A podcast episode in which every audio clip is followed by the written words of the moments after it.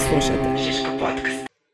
Svi koji cene nezavisno i kvalitetno novinarstvo znaju da oblakoder nije samo jako visoka zgrada. U prethodne tri godine magazin Oblakoder je postao jedan od najrelevantnijih medija koji se bave temama koje se tiču mladih. Danas pričamo sa Olgom i Marinom, devojkama koje su pokrenule ovaj projekat i koje svakodnevno rade na tome da novinarstvo u Srbiji bude bogatije za jedan kvalitetan medij. Pričali smo o tome kako izgleda pokrenuti časopis u Srbiji, Šta je potrebno kako bi svakodnevno funkcionisao i razvijao se, pa sve do toga kako izgleda pisati projekte ili izgraditi brand jednog medija. Ako vam ovo zvuči zabavno, pratite nas na YouTube-u ili na svim relevantnim audio platformama za podcaste. Vi slušate Žiško podcast. Dobro. Više spiskova postoji. Hteli smo da počnemo nečim Uh, uvek ovako ka- kada zapravo počinjemo promenimo glas i onda moramo Da, ovako da, da, da, ovako teatarski otvorimo, ali uh, kad sednete u taksi ili ako se vozite kargom, ne znam čime se vozite, nije bitno, vaše pravo je da se vozite čime hoćete, ali kako biste objasnili nekome šta je oblakoder ako nije svestan da postoji nešto što nije zgrada, a da se tako zove? Pa ne znam, meni uvijek bude čudno. E, nekad e, gravitiram od, od toga da kažem to je sajt. I onda zabodem i kao... To je sajt tome. i to je to. Ali u suštini, sumirano bi bilo da je to online magazin za mlade. Mislim da je to nekako srž ovoga, šta ti misliš? Pa jeste.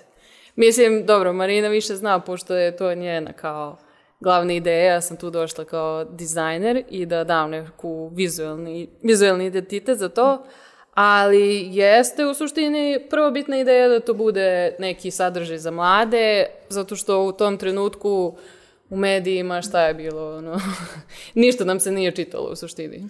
Da, mislim, ja sad kad razmišljam sadržaj za mlade, uh, čini mi se da su milenijalci, ne znam kako se vi identifikujete kao Pa mi- milenijalci ili generacije C. Pa Pa milenijalci, definitivno. Zoomeri. Znači, vi ste zoom... Šta? Ali mi smo možda poslednja generacija koja je odrasla na ono papirnim magazinima. U smislu, da. čitao se politikin zabavnik, dragi bravo. Bravo. Bravo, da. Bravo. Bravo je bila moja Biblija. Jeste. Bukvalno. Svake nedelje. Svaki nedelj. Baš se čitalo. Sve u tome se Znači, čitalo. e, sve tekstove pesama čitaš u bravu. Da razmišljaš da li, ti, da li si ti dobro razumio ili ne, uglavnom ne. A je pitanje da li su i oni, iskreno, odakle njima to. Da, najgore kada zapravo pevaš pesmu 100 godina i onda kao pročitaš šta je. Što mi je Da, da, to da, baš da, čar, kao- baš je to dobro. je Ti imaš to. svoju pesmu. Pa realno. Jeste, iskreno. Mislim da je Google sve pokvario. Ali uh, šta znači danas on, magazin ili časopis za mlade? Mislim, um, šta, šta ga određuje kao to da bude za mlade? Jel to da znači, da ono, pričamo o pop kulturi, ali mi znamo da i zapravo obrađujete mnogo po znacima navoda ozbiljnije tema od toga i šire. Tako da kako vi definišete taj sadržaj? Ono, Jel imate moment da ste u fazonu, ovo nije za mlade? Pa ima, ima što ne gore, da.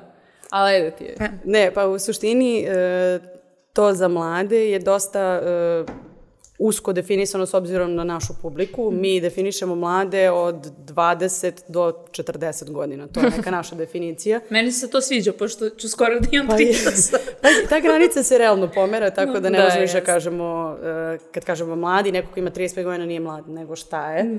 Ali ovaj, u suštini, e, mi smo se namerno definisali da to bude sadržaj za mlade, jer u tom trenutku kad smo pokretali smo uvidjeli da nema dovoljno sadržaja u medijima za mlade.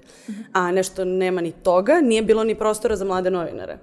To jest, bilo je prostora, ali ako ne želite se baviti tabloidnim novinarstvom, clickbait novinarstvom i tako dalje, što ja baš nisam imala ambiciju, ovaj, onda možete da ili volontirate jako dugo ili jako teško dobiti posao. Uvek treba da imate neku vezu, neku, neku foru ili možete da pišete za neki medij ili radite za nekoga za džabe. I uvek će ljudi da vas prihvate, sve je to okej, ali s druge strane, novinarske plate i ovako neko su toliko male, a vi, iako ste klinac, na primjer, ja sam krenula da radim paralelno sa studijama, meni je odgovaralo da mi honorar bude ispod 10 ili ispod 20 hiljada, jer dobijaš stipendiju, pa živiš kod mame i tate, sve je to cool. Ali kad završiš taj fakultet, gde si se školovao za tako nešto, stvarno neću radim za džabe. I to je bio jedan od onako dosta jakih motiva da mi pokrenemo to, a druga strana je taj nedostatak sadržaja za mlade, jer ako pogledaš ono bilo koji medij, koji, da kažemo, neki mainstream medij, koliko tu ima sadržaja koji su namenjeni mladima. Da li postoji išta što je namenjeno nekim problemima mladih, problemima mentalnog zdravlja, e, činjenice da mladi sve teže nalaze poslove, da su nesnađeni, da smo odrasli ono, uz tu bajku da kao školuj se, dobit ćeš posao, onda su svi poslovi standardni praktično nestali, nastalo je milion ovih poslova i posao možda imaš danas, sutra da ga nemaš, neko da ti izbaci. Znači, to su sve neke stvari koje se tiču neke socijalizacije i edukacije, što i jeste uloga medija, a što mediji ignorišu. I onda smo mi hteli da to uradimo. I s druge strane da pravimo atraktivan sadržaj za mlade. Mislim, nešto što je stvarno lepo i zanimljivo i zato u stvari smo mi odmah krenuli sa time da imamo dizajnera, pa smo pričali ovaj, juče o tome kako se redakciju imaju fotografa, mi imamo dizajnera. da, da. Kao potpuno drugi ovaj, svet biramo ali prosto zbog tog ono sveta vizualnog, sveta interneta u kome sad živimo, taj vizualni deo je jako bitan. Tako da nije to samo za mlade, i čak ne bi koristila ni onu groznu floskulu i za one koji se tako osjećaju, Ove, ovaj, nego prosto za ljude koji žele da prate neke nove stvari, koji žele malo da se bave temama koje se tiču društva, koje se tiče kulture, ali da stvarno dublje pogledaju te stvari. To je neki naš pogled na novinarstvo. A i bilo je isto što je mene privuklo ovaj, na početku, što kad ste pričali kao šta će to da bude, pričali ste o tome da ćete zapravo i da pišete o nekim mladima koji rade neke bitne stvari. Mm -hmm. A ti ono u klasičnim novinama najviše što možeš da vidiš je tekst o nekim matematičarima koji su osvojili nagradu i da to bude to i čak to bude u nekom ugliću i kao, e, evo, da. to se desilo. Ubacili smo fizičare u ovom broju. Da. Ili mlade huligane. Da, da, da, ili tako nešto, ali niko nije pisao kao stvarno da da ovaj, pažnju tim nekim ljudima koji zaslužuju. A zbog čega mislite da tako? Zato što kada ovo pričate, meni deluje da je za medij koji ono, radi u Srbiji mnogo logično da ima te teme, jer većina čitalaca jesu ljudi koji su sada ono na faksu, malo stariji, mislim od 30-40 godina uopšte, razumete, to je da. većina čitalaca. Pošto ako ja dobro kao tumačim demografiju, mm -hmm. stariji čitaoci su možda pre sklonije čitaju dnevne novine jer su navikli na taj format pa kupuju pa je to neki da, ritual. Da, da, jeste. Uh, online portale će čitati ljudi koji su vaša target grupa. Zašto mediji trenutno ne pišu dovoljno za njih i o njima, mislim, koja je to, je li imate neku ono kao uh, ideju šta stoji za te uređivačke publike? Reklame. da. Ove, ovaj, pa, mislim, bukvalno ta strašna reč. Ali u suštini da, pa e, vama je bitno da svojim sadržajem privučete što veću publiku. Mm. Ovaj, a teme kojima se mi bavimo i te sve teme, to nisu komercijalne teme. Mm -hmm. To nije, ovo što smo pomenuli, J-Lo i Ben Affleck su se pomirili. Znači, to će da klikne svako, bukvalno svako, na temu, ja. ono kao i ja. Uh, kakva je situacija što se tiče mentalnog zdravlja mladih u Srbiji, će da klikne troje i po ljudi, jer M je teška tema, em verovatno se suočavaju sa time ili ih ne interesuju u potpunosti, pa ni ne znaju o tome, pa treba da uđeš, pa ti neko u tom tekstu objašnjava nešto. To su, mislim, ozbiljni tekstovi, s druge strane koje mi pokušavamo što prijemčivije i mladalačkim jezikom da plasiramo da bi nekom bilo razumljivo. Ali nije mi nelogično da toga nema, baš zbog tog uh, generisanja sadržaja. S druge strane, mi nemamo toliko veliko i razvijeno medijsko tržište. Mm -hmm. Mislim, mi mislimo da imamo, ali kao koliko mi imamo ukupno televizija sa nacionalnom frekvencijom, radija i medija. Mislim, to nije veliki broj. Tako da i svi ono, se polarizuju u odnosu na političko opredeljenje, što je nešto što mi recimo mhm. uopšte nemamo i namerno izbegavamo, tako da kao postoje te neke e, tradicionalne podele na medijskom tržištu da ove teme koje se tiču društva, promišljanja i mladih su kao toliko sekundarne i toliko se loše prodaju da stvarno ne mogu da okrivim nekog, nikog bilo koga. A i teško se, teško se pišu. Mislim, to su sve ozbiljne da. teme i to treba da se ipak uradi. Neko istraživanje, nešto, da ti imaš i želju da to napišeš. Ne možeš samo za ono dan da izbaciš neki takav tekst. Pa da. I s druge strane, ti kad radiš intervju s nekim ko je mlad i ko radi nešto po prvi put, to nije intervju na koji će da klikne 500.000 ljudi, nego to je naš način da mi poguramo te ljude i da kažemo, e, ljudi, ovo što vi radite je stvarno vredno, ali s druge strane da predložite neke od tih ljudi u nekim velikim redakcijama, oni će da kažu dobro, ta osoba ima, ne znam, 150 ljudi na Instagramu, nebitno što radi, nema ni jednu izložbu, ma daj, ko će se baviti time, na primjer. Ali, uh, znači, vi nalazite neke ljude koji nisu da, još uvek medijski eksponirani svi, Odnosno Pa neki generalno, Generalno, da. da. I onda kao ih daje, dajete i na neki način medijski prostor. Pa da, to je ta inicijalna ideja što je Olga pomenula, bila da kao mi, e, u stvari jedna od glavnih rečenica koja je bila razlog zašto smo mi krenuli da se bavimo ovima čime se bavimo je rečenica u naše vreme je bilo bolje. Znači svakome je u vreme njegove mladosti bilo bolje, kao to treba prestane ljudi da izgovaraju tu rečenicu, jer kao u koje vreme je bilo bolje. Mislim, Misliš da spavanje na klupama nije bolje? E, da. Mislim da i danas možete nađete ispred Ima spalova toga, leti ima toga ljude dalje, na klupama, da, da. ok. Ali e, iz nekog revolta prema tome smo mi i hteli ovo da uradimo, da pokažemo da stvarno u Beogradu i u Srbiji u regionu postoji milioni mladih ljudi koji stvarno nešto super rade, samo što prosto više nema tih e, časopisa koji su nekad postojali, taj neki jukebox i, i ostali koji su popularizovali tu kulturu, koja je sada nama kultna. Ovaj, recimo, ko što je izložba sad Goranke Matić, to su sve omladinski časopisi i kultura koja je tada bila vrednovana. Omladinska kultura danas se ne vrednuje toliko i onda prosto mi hoćemo da stvorimo prostor za to da bi se ona vrednovala jer je apsolutno vredna pažnja. A u čemu misliš da je razlika? Kao da li... Pa tad je postojala institucionalna podrška da se tako nešto radi i sada ne postoji. S druge strane, baš to što ne postoji je realno prostor za stvaranje, tako da ovaj, nije sve što je u medijima, sve što je realno, što znamo i na političkom nivou kod nas, tako da... Da, čini mi se da je došlo na neki način i do granulacije omladinske kulture. U smislu, mm, e, svi ljudi sada, to je većina ljudi konzumira sadržaj koji je njima interesantan, koji nužno nema ništa zajedničko. Ti ako si gamer, ti ćeš da pratiš gejmere, Da, da. ako te zanima K-pop, pratit ćeš K-pop, ne moraš da odeš u neku prodavnicu da bi kupio ploče i da tamo sretneš nekoga da kupuje istu ploču. Da, da, pa da razmenjujete kao- mišljenje Da, to. kao da diskutujete o omladinskoj kulturi, nego je toliko granulirano da ti zapravo imaš niše ljudi, a onda se to vratno teško pretvara u neku ono kao kolektivnu kulturu ili kolektivnu umetnost. Zato mislim, a, vaša uloga je zapravo baš bitna, zato što na neki način ono kao crpi iz društva sve stvari koje bi nam mogle biti zajedničke i plasira ih dalje. A nešto me zanima, kada sam čitala kao neke članke istraživala, da ovde sad ne delujem neinformisano, da. Um, kao, poja, dobro, pojava interneta je najveće kao prekretnica u novinarstvu od pojave ono kao štamparske Da, da. mašine, što nije, znači, Baš je se pripremila iskreno koliko si daleko otišla. kao 1990. da kao, molim vas, fino istraživanja.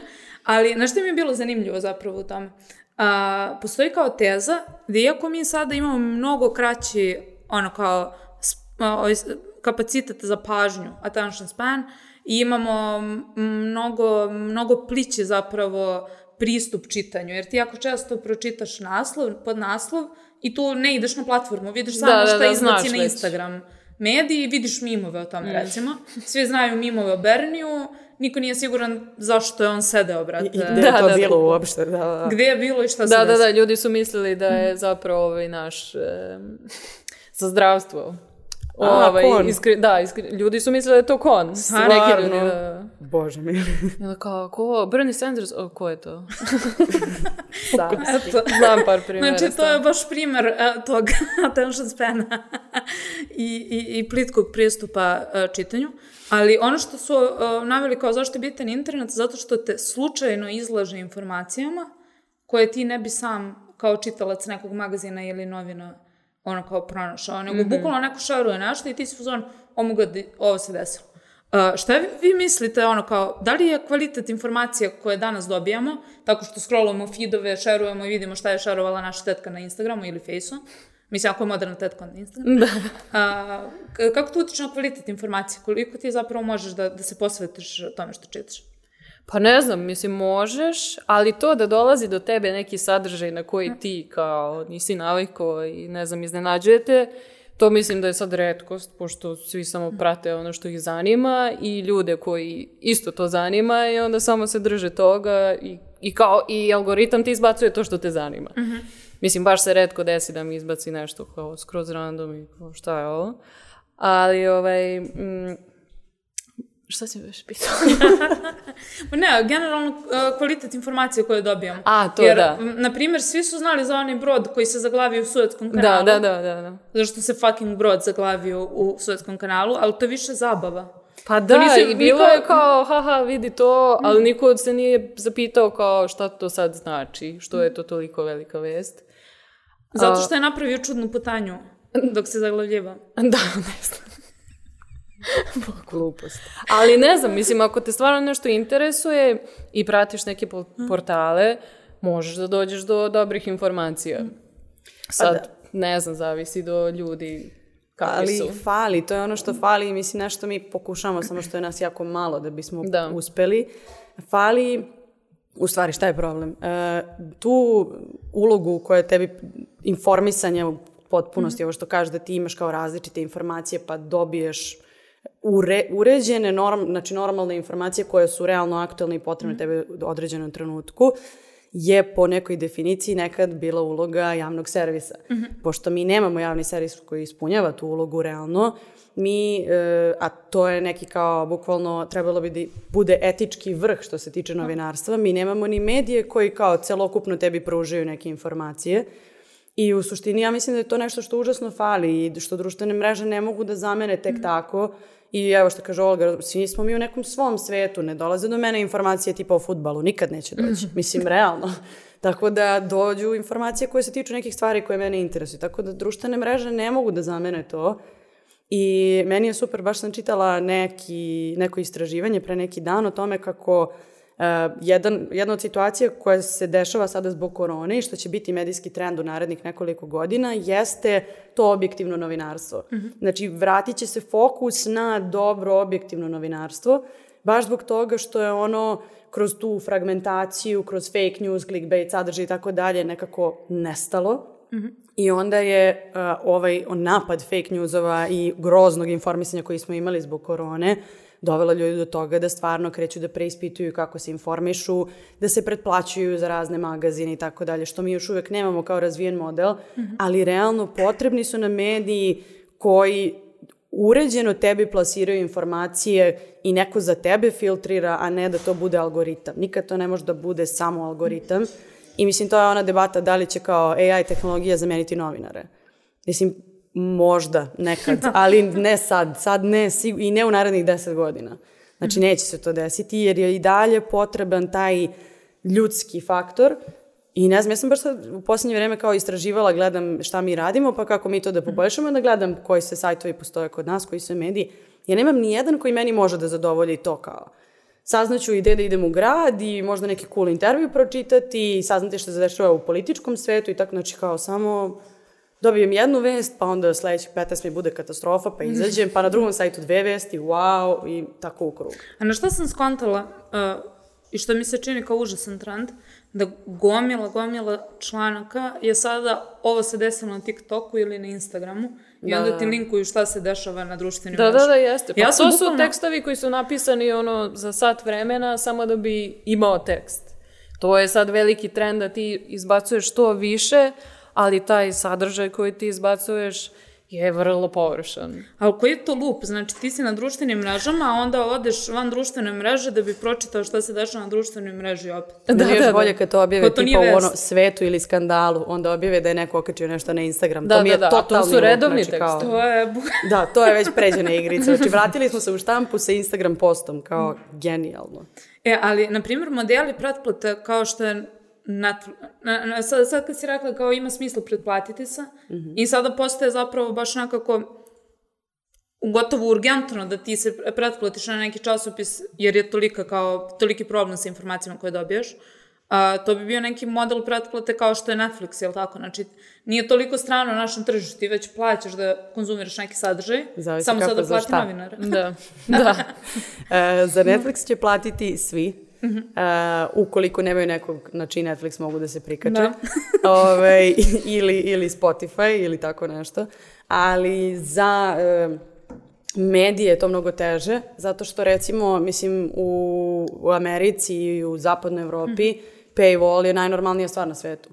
A, kod nas i na istoku paywall je, ne daj Bože, situacija. Da, ne znači, kao, zašto bi ti ušao? I sad postoji debata da li je u toj situaciji bolje da uvodiš paywall ili ne, zato što ti, tebi je potreban novac da bi ti radio i živeo i pisao te stvari, stvarao ih.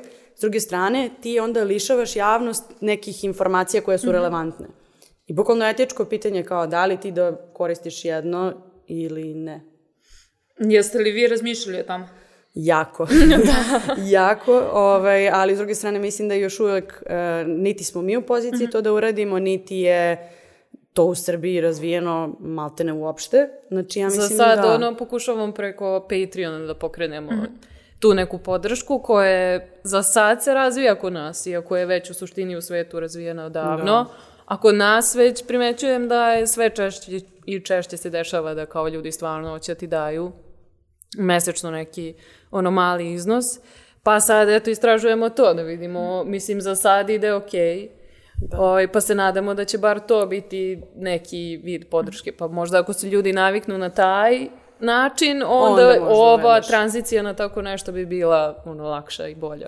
Pa mislim da je to svakako i bolji model, zato što ti samo navikneš ljude, dakle da je potrebna ta finansijska podrška i prosto pretplata koja možda bude ono dolar mesečno, Da, a nama ništa. znači taj jedan dolar bukvalno jako mnogo. Ove, I onda ne moraš da imaš taj restriktivan moment kao, e sad ovi Da. ne mogu da vide naš Da, sadržaj. da, da. Mislim, baš nije to ni poenta, ali taj model pretplate je nešto što mislim da je budućnost, a i s druge strane e, realno tebi kao mediju omogućava nezavisnost. Pa da, uh, iako postoji realna etička dilema da li ograničiš nekome pristup sadržaju, što je kao, je- jeste problem, uh, pitanje je ono kao trade-offa, jer taj, ti moraš da imaš neke resurse da bi mogao da preživiš i da pišeš, da istražuješ, da imaš opremu kojom ćeš snimiti našta, Da. ono, prostorije gde ćeš imati redakciju. Tako da, ono, na kraju dana je pitanje odakle to dolazi. Sigurno je mnogo bolje da dolazi ono kao putem donacije ljudi koji vas Pa, to čitaju, je najbolje koje su skromna ili pretplata, nego Mhm. od strane sradnje sa kojima vi niste komfortni. Kada jeste, to je naravno super, ali eto, to je ono Mislim da je samo problem što je Srbija i dalje naviknuta da ono besplatno, da sve bude besplatno, šta god može da bude besplatno, to ono super. Nismo navikli i dalje da, mislim bar ši, ono, cela Srbija, da kao dajemo novac za neki sadržaj koji nam se sviđa, nego kao ko je besplatno, to je to. Ma čoveče, pričamo o zemlji u kojoj su ljudi iznajmljivali one, kako zovu, katalizatore za dizel, da ne bi, da imaju da iznajme, da odu na pregled i onda posle toga vrate to da bi prešli kao, prošli taj dobro, test. menja se, menja se to. A, da, ali hoću da kažem, Polako, ovo, je informacija se. iz ove godine. Tako da, kao, a onda mi tražimo ono, e, podržite naš magazin. Ljudi su u fazonu, ma daj. E, ali um, čitala sam kao uh, fore da e, šta god. Znači, u, u 2020. je 60% manje novih časopisa se lansiralo kao u Ujedinjenom kraljevstvu. I tiraž Fizička najvećeg... izdanja? Hm? Fizička izdanja? Fizička. Da, okej. I Dobro. kao naj, najtiražniji časopis uh, ima 60.000 kao komada, a pre 20 godina je to bilo preko 130.000. Tako da definitivno je u deklajnu, ali ono kao i dalje nekako opstaju časopisi na nivou specijalizovanih časopisa. I onda Da, sam došla da. u pojma koji mi je baš zanimljiv, ne znam jeste čuli za njega, passion publishing. U smislu časopisi koji se koji ljudi pokreću, ono, kako bi se specijalizovano bavili nečim, Mhm, sad od pop kulture preko vrtlarstva i tako dalje. I kao teza je da je to zapravo budućnost novinarstva, zato što kao sa jedne strane imaš pouzdan izvor informacije, kvalitetnu analizu, a sa druge strane, i to sam baš pitala ono Jelicu danas, bila sam u zonu, zašto ti čitaš nešto? Ono po zonu kao mnogo je bitno vreme koje zapravo provedeš sa tekstom. Jer kao Da, da, ti da. možeš da pročitaš vesti tako što ćeš da pratiš ono statuse na fejsu i kao možda ćeš dobiti sli, slične informacije u smislu informisanosti, znaćeš da se nešto desilo. Ali kao ako imaš 20 minuta sediš i čitaš nešto, kao što je oblokoder fizičko izdanja, a, nekako je meditativno, ono kao, kako vi imate odnos prema čitanju dužih tekstova? Da li je to problem trenutno, jer ljudi kao, znaš, ono, TikTok traje 15 sekundi. Kao, kako, je, kako to izboriti da. se za pažnju, ono, kao ljudi koji su prosto navikli na kraće formate? Pa evo, Jel imate neke podatke oko toga? mi često imamo uh, problem koji nije neki poseban problem, ali imamo jako dugačke tekstove na sajtu. I onda mi debatujemo da li su naši tekstovi jako dugački, Olga kaže ne. Meni nisu Moja stvarno. mama kaže katastrofa. Zove me i pita me zašto mi je veliko dugačak ovaj tekst. U suštini, E, mislim, i nama je ideja bila da imamo ovo fizičko izdanje, baš zbog toga da, jer či, treba da se vrati ta kultura čitanja i čitanja magazina, da ti, dakle, sediš i baš si rekla, ono, bukvalno ima meditativno svojstvo. Znači da ti sediš, da otvoriš, da pročitaš nešto, da usvojiš nešto novo, čuješ nešto novo. I mislim, naš magazin je u stvari tako i napravljen. Ovo je godišnje izdanje, možda polugodišnje, vidjet ćemo, ali u suštini nije nešto što ti prelistaš i završiš sa tim, već je nešto što imaš kod kući i čitaš kada odvojiš vreme prosto za to. I mislim da baš zbog toga e, kratke pažnje i svega, baš smo prezasićeni time. I onda mislim da ovakvi sadržaji baš mogu da isplivaju kao pozitivni primjeri, da ljudi stvarno budu željni tako nečega. Jer ja recimo mnogo više volim da, da listam časopis i da ga čitam i da se bavim time. A ako pogledam na netu, ne mogu. Evo, bukvalno primer New Yorkera, ja kad ga čitam u fizičkom izdanju, super mi je i kao nije mi dugačko, ok mi je, kad otvorim na kompjuteru, onda scrollujem, scrollujem i nema kraj, i nikad ne pročitam, budem fazonu ne interesuje, ne mogu, nemam strpljenja. Ili ja često uzmem i onda kao scrollujem do kraja u fazonu me da ovo baš dugo. Da, da, da, Pa se onda kao sad ću malo, Pa pa preskačem. Bukvalno, pa onda to, čitam pod naslove, pa kao da. ja, i onda zaboravim i onda tipa, jednom mi se desilo, jedan tekst sam čitala, ja mislim, deset dana. Samo sam mu se vraća i neću sve da ugasim komp, nego ga spustim da bi on ostao otvoren. Mislim, totalna budalaština. A to mi se recimo nikad ne desi kada čitam neko fizičko izdanje. A pogotovo što ono veliki broj mladih nikad nije imalo priliku da ima tu kulturu bravoa ili čega god. Eto, ovo je sad prilika za tako nešto. Da, ovo je bravo za... Biće da. za ono 20 godina, dragi oblakode. Jel, jel mi sami sebi pišemo pisma ili stvarni ljudi? to, je, to je pitanje. da, da. Jeste. Um, a, nešto mi jasno, gde, znači ja imam osjećaj, baš sam, a, krenula sam sebi kao uvedem naviku, sednem vikendom i da, ne znam, čitam lice u ulici koji imam u fizičkoj kopiji ili sada oblakoder i tako dalje. Kao sad ću ujutru da ustanem i sat vremena ću Popijem kafu. popijem kafe i da čitam. I iskreno nisam baš uspela da držim. Zašto sam u fazonu, ja nemam tih sat vremena. Gde nam je nestalo sat vremena koje smo koristili za čitanje časopisa? Na poslu. Imate neko objašnjenje? Na poslu? Skoki molim te, Reaguj, sat vremena za reaguj. čitanje časopisa. Ne, ovo treba se uveden na svakom uh, poslu, sad vremena za čitanje će ljudi čitati. E, ja zapravo imam tezu da je ta informisanost koju dobiješ čitajući stvari koje nema veze s tvojom profesijom, mislim name ili on advertisingom, da ti mnogo bolje informiše podsvest i pripremate za kreativni rad, nego da sediš i da čitaš Advik do preko sutra. Pa da, zato što ti izmesti malo iz tvog sveta i malo drugačije nešto posmatraš i gledaš. Ali, ovaj, ne znam, mislim, meni, ja isto nemam sad neku kulturu da redovno čitam, iako baš jako želim. Ali kao, ajde pred spavanje, pa kao uzmeš, prelistaš pola sata i desilo se ono pet dana i kao posle toga, ne znam, nije se desilo Kao, i a samo... Netflix. Ćao, da. Čak nije ni Netflix, nego je ono, neka glupa igrica na telefonu koju ni ne želim da igram, nervira me, ali samo onda ne razmišljam ni o čemu. I valjda mi je potrebno samo da ne moram ništa da ubacujem u svoj mozak, pa to radim. Možda je, ne znam, možda je to problem. Bukvalno. Ne znam, ja sam krenula da kupujem ono, modne magazine baš zbog toga. Baš zbog ovog da kao čitam uveče, ali nešto što je ono relativno isprazno i onda sam shvatila da zapravo mi se ne sviđa sadržaj koji mi daju i onda završim na Pinterestu i kao čuvam stvari koje mi se sviđaju. I bukvalno onda, onda pošizim, onda budem u fazonu, dobro, pa ima li neki ono interpretiran sadržaj kao za ovo, onda odem na Vogue, onda opet uđem u neki svoj lup i kao, ali ne znam, ja recimo, ta varijanta dnevna, kod mene ne radi, ja sam baš noćni tip, i ja imam svoje neko vreme koje volim da provodim sama u, u toku radne nedelje od 12 do 2, koje mi je vreme za to, za čitanje, eventualno Nisam neku budna u seriju. 12, brate. I onda, onda čita i onda nama šalje poruke kao, dva, joj, vidite ujutru. ovo tekst. Kao što je ovaj super tekst, mogli bismo mi ovako. Vidiš da našla inter... Da, to je, mislim, nekako ja sam se malo navikla na to i zbog posla, a opet s druge strane, mislim, lepa je stvar ukoliko je usvojiš, ali nije realno da to radimo svaki dan. Ne, nema Da. šanse. Mislim, bukvalno toliko je stvari na dnevnom nivou da kao ja nedeljno jedan, dva dana provedem tako i to je to. A pritom, znači, bavim se time i studiram to. Znači, baš ono, usko sam specializovana za to, tako da ne bi mogla kažem nekom ko kao se ne bavi time, a moraš, to ti je super stvar. kao. Da, da. Ali meni je to zapravo baš ohrabrujuće. Zato što imam fazon, ako ne radim našta svaki dan, ako ne čitam novine svaki dan, ako ne čitam knjigu svaki dan, imam se kao da failujem u tome. Zapravo je dovoljno da to radiš ono jednom sedmično ili dva put Da, da, sedmično. mislim, tako da počneš, pa ćeš možda ono više to raditi. Znači, sledeći put kad budemo snimali podcast, ono, otvaramo ovde magazin i kao čitamo zajedno. Dva sata. vremena. Live stream i to je to. E, Možda onda Ja, postaknemo može. druge ljude, jer onda ne moraju oni da Čitajte čitaju, se. Da, da, nego da, neko nego drugi čita, to je super stvar, odlična ideja. Da li si ti upravo izmislila dnevnik?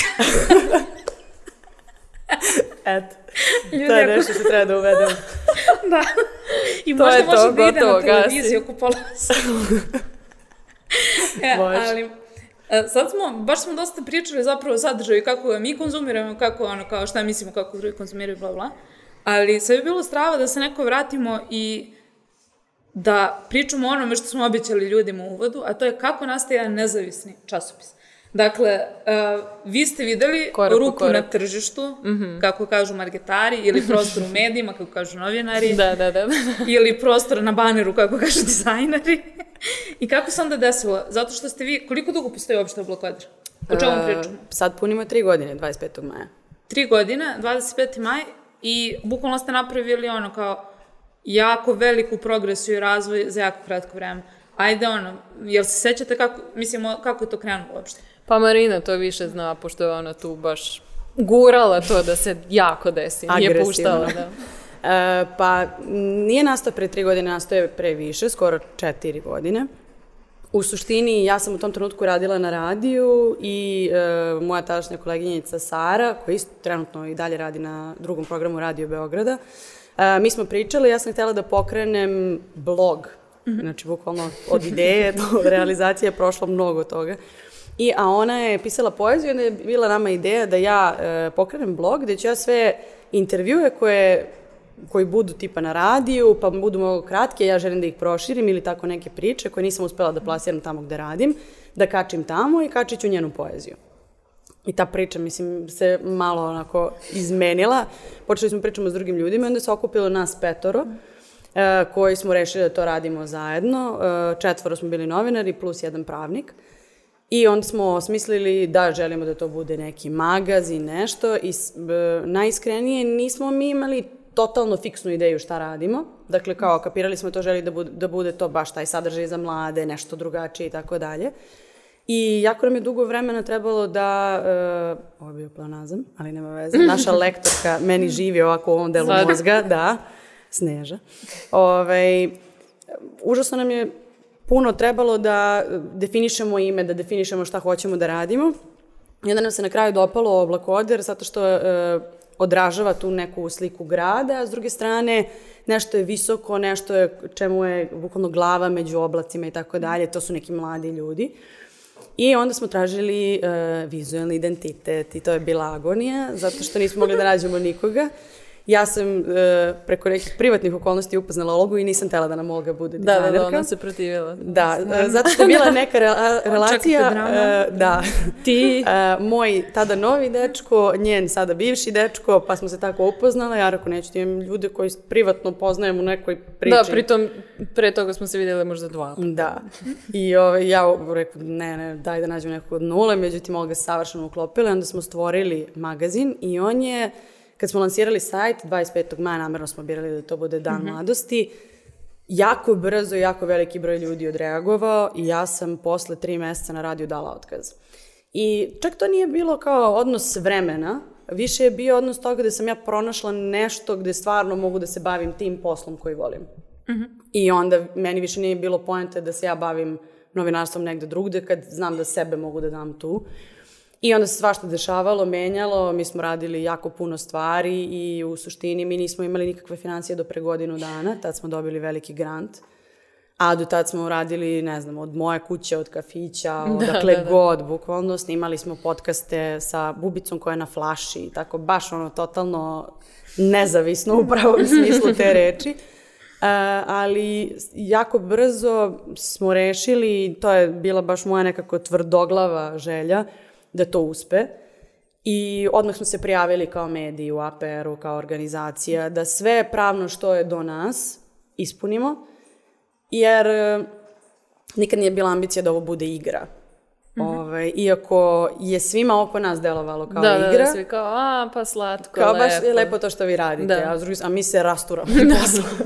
Ove, tako da nekako nije jednostavno, ali s druge strane, br- em što je brzo prošlo, em što u tom trenutku kad smo dobili pare, to se samo sve promenilo nestvarno, onda je postalo pravi, pravi, pravi posao.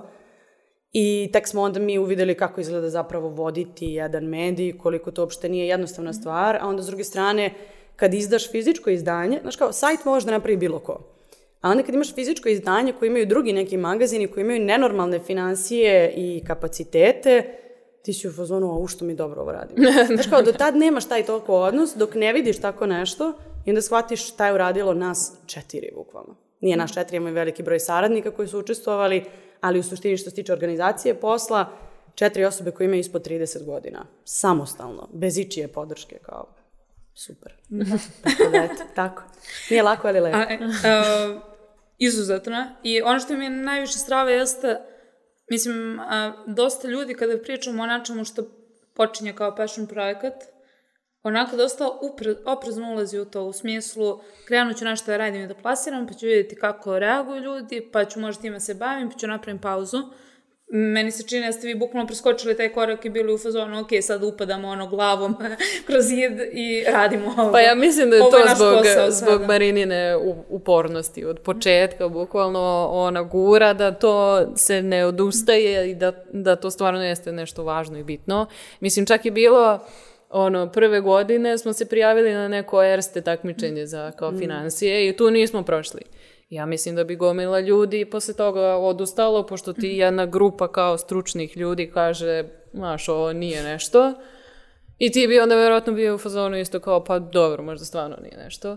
Ali smo mi nastavili i našli smo drugi način. I uspeo. I sad se javljamo svim tim ljudima. Da, da. Pogledajte gde smo sad. Ne, Žiško e, podcast. Bukvalno, pa vi vidite. Ne, meni je iskreno e, jedina stvar koja mi je bila u glavi sve vreme, nisam ja, iako to delo je mnogo promišljenije nego što je realno bilo, uh, meni je jedina misla bila u glavi u tom trenutku, ja imam 23 godine. Ako ću nekada da uradim nešto što je visoko rizično i da pukne, nek pukne, uradit ću sad. Jer kao bilo šta da mi propadne do 30. godine, ok, propalo je, probala Da. sam, nema veze. Kao nemam dete, nisam udata, nisam vezana nekim nevrovatnim obavezama, da finansijski moram da, da zavisim od posla koji bio je 9 do 5, da mi je pokriveno sve u životu, kao taj trenutak je sad. I s druge strane nama se umeđu vremenu iskristalisao tim koji to isto sve nekako živi i onda na kraju dana vi realno imate privilegiju da radite posao koji stvarno volite.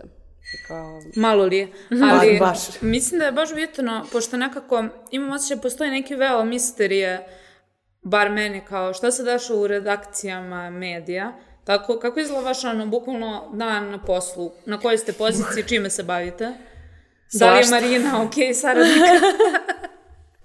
E, to smo danas zaključili. Marina je okej saradnik kad je u redakciji. Kad radi od kuće, onda nam stalno šalje neke gluposti i mi smo kao, dobro, znamo, znamo, stvarno znamo šta treba da uradimo. Ali ima naš četiri. I mislim da mnogo ljudi to ne zna, nego misle da kao ima neki veliki tim koji stoji iza toga, znaš, kao, a ovi tekstovi ovo, ovo, ali u suštini tu smo naš četiri. Znači, ja sam tu jedina zadužena za neki vizuelni ovaj sadržaj. Mislim, imamo neke planove kako da ubacimo još neke mlade ljude, ali za sad sam samo ja tu, a ovaj, njih tri se uglavnom bave nekom organizacijom, pa je to isto i dogovaranje sa saradnicima oko tekstova, šta može, šta ne može, šta bi moglo. I ovaj mailovi, hiljade i hiljade mailova koji pristižu svaki dan, pa uređivanje tekstova, mislim, ono, kad dođe neko saopštenje u mail, ipak neko mora da ga pročita, da vidi da li je to lepo na, napisano, da ga ubaci u sajt, da sredi vizuale, pa onda ja treba da napravim story za to i tako, tako da to je proces svaki dan. Mislim, za svaki tekst se odvoji neko vreme, koliko god on ponekad bio bitniji ili manje bitan, mislim kao da je samo neko saopštenje ili da je neki intervju koji smo radili ono, pola meseca, za sve ide odvojeno vreme. A koliko dnevno imate tekstova? Pošto znamo ono kao norme nekih uh, novinara koje znam, koji su jako visoki, ti moraš dnevno da izbaciš recimo 10 tekstova za 8 sati. Da. I kao onda to mora da utiče na kvalitet kao samih tekstova. Pa to ja mislim da je i Kako- problem isto da. ono što smo pre pričali, da se kao ti ćeš da napraviš tekst gde ćeš da pišeš o tome šta je neko objavio na Instagramu ili na TikToku i šta se desilo i šta su ljudi komentarisali, a mi baš, mislim, nismo hteli da se bavimo takvim stvarima, nego da pišemo kad sedneš da pišeš tekst i zapravo želiš da budeš ponosan posle na taj tekst, a ne da izbaciš samo zato što ono, ljudi moraju nešto da čitaju, mora neki sadržaj da se izbaci. Ne mora ništa. Ne mora mora ništa, bukvalno. da. Ponekad smo kao, dobro, mi sad stvarno nemamo ne tekst i imamo neke stare tekstove što se uklapaju, mislim u neku temu koja se ta dešava i tako to. Tako da mislim da nemamo nešto zacrtano, svaki dan moramo da izbacimo 10 tekstova, a to je i nemoguće s obzirom na Ma da, naš mi tim. bukvalno u idealnim uslovima izbacujemo dva nova teksta dnevno. To nam je neki kao ok ritam, ali s druge strane to nekad ne budu dakle, novi tekstovi, nego povežemo sa nečim što je aktualno, neki stari tekst.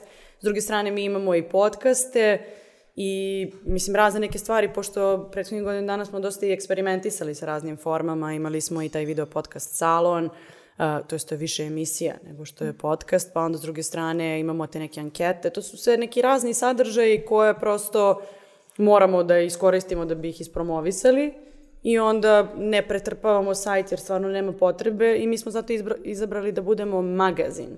Ne, znači nismo mi ono dnevna štampa pa moraš svaki dan da dobiješ milion toga, nego magazin je najviše zbog te vremenske odrednice kada ti dobijaš sadržaj. Znači ne dobijaš svaki dan, dobijaš s vremena na vreme, ali se mi potrudimo da je kvalitetno i da lepo izgleda.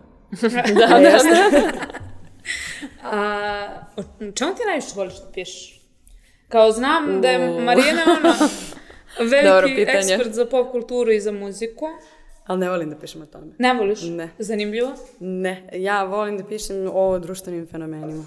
Dobro. I svaki moj tekst u suštini nastaje iz neke vrste besa. to je stvarno tako. E, Mene nešto užasno isprovocira, da li nešto što je globalni fenomen ili neki lokalni problem. I onda ja odlučim da se bavim tom temom. I kad su neki ti ono polufilozofski tekstovi, ja ih prvo napišem, pošto mi negujemo to da kad god neka od nas piše, onda sve čitamo pa komentarišemo da bismo videli da li je to dovoljno dobro. Svaka moja prva ruka je katastrofa jer je užasno besna i ljuta, jer me iznerviralo nešto, neka eksploatacija, nešto se zlo desilo i, ovaj, i onda meni bukvalno uvek treba za te neke tekstove po mesec dana. A s druge strane i neka ta ono društvena nepravda, na primer, eh, poslednji tekst ovog tipa koji sam radila je bilo svratište za decu ulice, pa onda prihvatilište Draževac za životinje, tako da to su moje teme, zato što smatram da m, uopšte nemaju prostora u medijima, mislim da su relevantne i onda nekako te light teme koje se tiču pop kulture za vreme koje ja imam zbog drugih poslova kojima se bavim u Oblakoderu, koji su neki administrativni poslovi, projektni poslovi i tako dalje. Bukvalno kad imam vremena izdvajam za to. A iz druge strane, Marija i ja jednom nedeljno vodimo emisiju Digitalni kasetofon, to je muzička emisija na radioaparatu, tako da tu valjda za- zadovoljim taj deo. Tu I onda, zabavu. Da, i onda, uglavnom su to te društvene teme, ponavljam zato što mislim da ih baš nema dovoljno. A, koliko je bitan, mislim, sad smo već ušli nekako u kreativni proces i baš bih da pričamo zapravo kako izgleda kreativni proces u jednom magazinu. A, Olga, znači, Oblakoder ima... Olga, šta ste ti? A, šalim se. Ali Oblakoder ima jedan od a, najupečatljivijih ono, vizualnih identiteta. Ja bih rekla meni je najlepši u Srbiji ubedljivo. Meni, apsolutno. Ne, stvarno, Možda na svetu. on- samo je stalno lepo. I kao, kako, kako si došla do toga i šta zapravo radiš ono, na svakodnevno, mislim, ono, kao, koji su to Da. poslovi iz jednog dizajnera i ilustratora u okviru omladinskog magazina? Pa ima svašta. Mislim... Ima e, posla ko hoće. Da, da, hoće da radi. o, ima. Da. Ako neko hoće, slobodno dođite da mi pomognete malo. Ovaj, pa ne, od početka je Marina bila ovaj, striktna u tome da to mora da bude lepo i da lepo izgleda. Imala je tačno ideju da to, kako želi ona to da predstavi, da to bude mladalački i sve. I onda nekako od početka sve što radimo je trebalo da bude vizuelno promišljeno. Mislim, bilo je par puta kada ja nešto nisam mogla da uradim i onda oni urade ono, u kanvi Canvi. i ja to vidim i kažem ne, ne, ne, ne, ne molim vas. Skoro smo imali taj primjer, Olga nije bilo to, ja sam nešto napravila i samo je bilo fazonu, molim te, skloni, samo Ne. se skloni i ja ću. Ja sam sam sam, rekao, molim vas, da li ovo može da ide sutra, znači otići ću do kompjutera, uradit ću, samo molim vas da ne ide ovo. Bilo je stvarno jako ružno. Jeste, stvarno.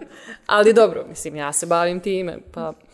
Ovaj, ali, pa ne znam, svaki dan sad uglavnom e, je moj posao to promocija preko društvenih mreža, da ti zapravo preko storija uspeš da privučeš nekoga da klikne i da uđe na taj tekst. I, ovaj, I to se, kad objavimo neki tekst i te fotke treba ipak da formatiraš za sajt, da ne budu prevelike, da bude to dobar format, na, na primjer za naslovnu i to sve imaju tu neke zezancije. To su neke ono svaki dan stvari koje se dešavaju.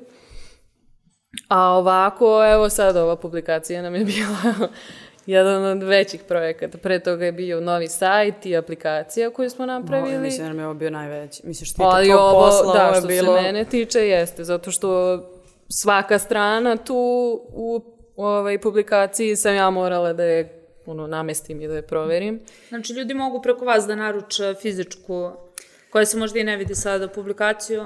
Da, A- mogu preko sajta ili preko Patreona, ali ono što je bitno e, jeste da... Pokaz, Zato što pokaži sam Olga ja šta je. ovo radila. E, da, inače Olga je radila sama i ceo prelom i sve, znači ne samo Prvi dizajn put, svake stranice, čisto nego da se zna. apsolutno sve, tako da je to bio jedan neverovatan poduhvat. E, a prodajemo preko sajta, znači direktno na našem sajtu, imamo jedno takođe lepo izdizajniran početni deo na stranici, e, gde mogu ljudi da kupe, e, a s druge strane imamo i Patreon. Zašto pravimo razliku između ova dva? Preko sajta kupite nešto i to je jednokratno, a Patreon model funkcioniše tako da iznos koji date ide iz meseca u mesec, tako da vi možete i preko Patreona da naručite paket koji e, ima samo časopis ili pošto pravimo, pravili smo te neke pakete sa cegerima, sa majicama i tako dalje, ali ne bismo da neko bude u iluziji da ako, na primjer, uplati taj najveći paket od 25 evra, da mi svakog meseca šaljemo ponovo, jer mi nemamo, ovo nam je sad ono godišnje izdanje, tako da to je to. Nije veliki tiraž. Samo bismo da objasnimo svima da bi svako uradio ono što želi i dobio prosto ono što želi. Tako da kupovina, dakle, ili sajt ili Patreon, ali u suštini Patreon je više za tu pretplatu koja je kontinuirana. Dakle, ukoliko ne želi, neko želi da nas podržava iz meseca u mesec sa nekim malim iznosom, i više nego dobrodošao, ali e, kupovina nam sad najviše ide preko sajta i preko Da. Instagrama. Ljudi nam pišu na Instagramu jako puno. DM. U DM. Da, da, da, tako. Kao, drage. Ali, e, šta, šta je specifično kod vašeg sajta? Ne znam, mislim, ljudi će rodno tići da pogledaju sada ako gledaju podcast. Nadam se. Znači, to je jedan od... Onako, ja sam zauvek impresionirana dizajnom i kopijem ono kao na tom sajtu, zato što imate strukturu koja reflektuje samu zgradu. Pa imaš špijunku, imaš podrum, imaš sanduče, šta još imaš? Imaš svašta našta. Da, da, Sve to, je, to ljude dešava. uglavnom privuče na, na, kad saznaju za Blakoder, kao ja vidi imate i te rubrike, iako im nije na početku jasno Da, šta je šta, zbunjuje. Ali dobro vremenom se ukapira, nego kao ja baš je dobra ideja što ste to tako ono, razdelili. Da, ali iz ugla brenda to je previše pametno. Znači, s jedne strane, ti imaš ono kao zanimljivu strukturu sajta i bukvalno svaki ti, od špijunke do, ne znam, sanduča, ti imaš uvek zanimljiv tekst koji prati i objašnjava šta se tu dešava. Druga stvar, korisnik kada dođe na sajt će sigurno kliknuti na pet tih, umesto na jedan. Da, da. Tako da ono kao zadržavate čoveka na sajtu duže.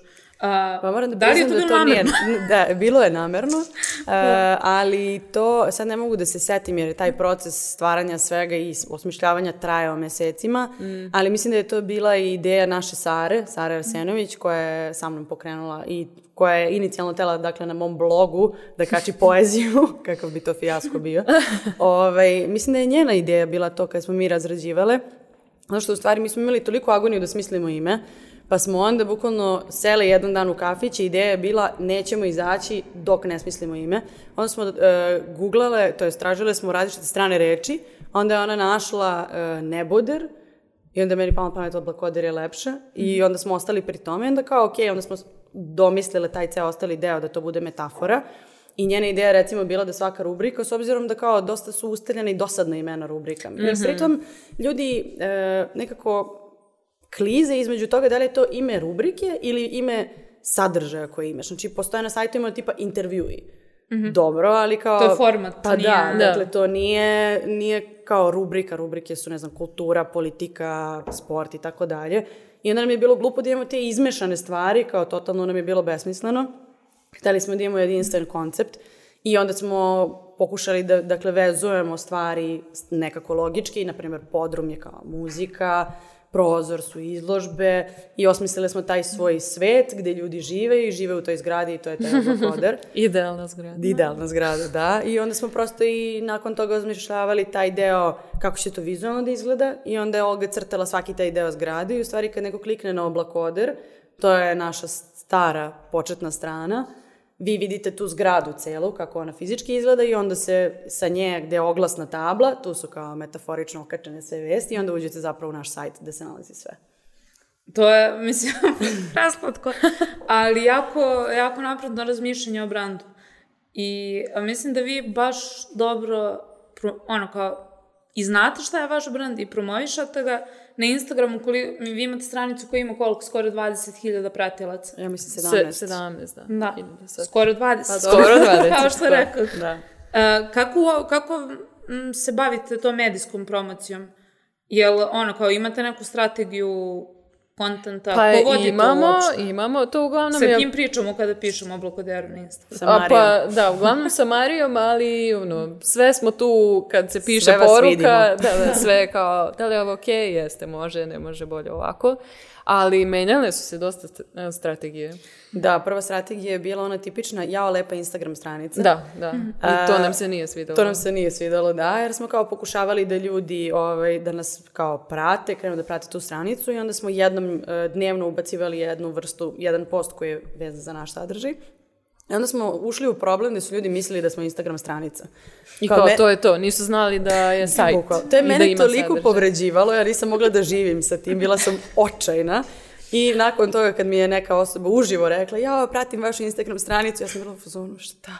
Šta? Kako, kako, kako se ovo desilo? Mislim, piše magazin, bukvalno nam se profil zove Oblakoder magazin, znači nije, iz... ali dobro. Uh, u svakom slučaju onda smo uveli da što češće imamo naš sadržaj, tako da sad baš trudimo da plasiramo sadržaj koji je samo naš i eventualno nekad koristimo neke fotografije ili kako bismo promovisali naše virtualne izložbe koje imamo ili neki sadržaj koji je e, vizualno sličan stvarima koje nas interesuju. Tako da baš vodimo račun o tom Instagramu. I, Vidi se. da, pa Marija naš se bavi najviše time. Uh, Marija je naša producentkinja, samo što mi, e, niko od nas nema e, konkretnu titulu. Da, Mislim, to kao, ono, imamo imamo, ih, ali E, jednom u dva, tri Ne, meseca da. sednemo i onda promislimo kao, ajde da vidimo ko sad šta radi. I onda tu bude milion stvari, onda kao, kako da, sva, kako da stvarno svaka radi samo ovo što radi. Međutim, još uvek je nemoguće jer nas je previše malo, a posla je previše i što najgore nije ni taj neki pritisak kao, ako ne uradimo nešto, desit će se nešto strašno. Da, da. Nego se vi naviknete sami na taj neki standard i onda imamo to kao unutrašnje, niko neće umreti ako nešto ne uradimo danas, a s druge strane, za neke dane je nešto vezano i ti sebi uguraš u glavu neki tempo, uglavnom ja, e, da nešto mora da bude urađeno i onda to, to pokušamo da ispratimo, ali eto, Instagram se bavi Ali, na primjer, pre korone na storijima nam je uglavnom bilo ono večeras u gradu, Da. kao šta, šta ima od događaja. I onda kako se desilo da nema ništa u gradu. Mislim, i pre smo mi kačili naše tekstove na storije, ali sad u- uglavnom na storijima su samo naši tekstovi i ono, objašnjenje par storija pre swipe upa, kao o čemu se zapravo radi u tekstu. Inače, ljudi su mi se skoro žalili što više nemamo to. Pa Stvarno. kad Ali nema, nema, ni- ničeg, slažem se, da, ali kao, zato što smo svakog Sad dana da- imali. Mislim, i ja bi vratila to, ali ne, ne, nema, još. pa nema još smisla, da. A, ali znači bit će letos ako se otvori. Nadamo se. Da. E, a, a to je zanimljivo isto.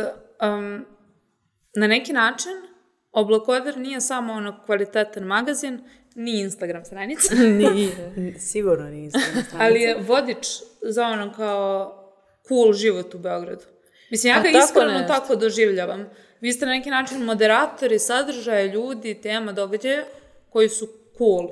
Jel vi imate ono kao sličan Mm, Pa, cool nekad zvuči kao previše dobra gradska priča reč, ovaj, da bi toliko opisala naš sadržaj, ali nekako ja mislim da je oblakoder više, više od medija, više je neka vrsta zajednice gde se nešto dešava i gde bukvalno ceo taj svet u kome se kreću neki mladi ljudi se spaja i onda tu možda se informišeš i o tome gde da ideš i kao koji je problem i koliko ti je zagađen vazduh i ne znam, kad su teli studentsku polikliniku da ugase, šta se dešava s tim, znači kao neko ti malo demistifikuje stvari koje se dešavaju oko tebe, a s druge strane te uputi kao imaš super izložbu ili kao je baš smo pričali s ovim umetnikom, umetnicom, idi na fest, ne znam, mislim, tako neke stvari. Tako da kao ne samo što je cool, nego što je realno baš vredno pažnja.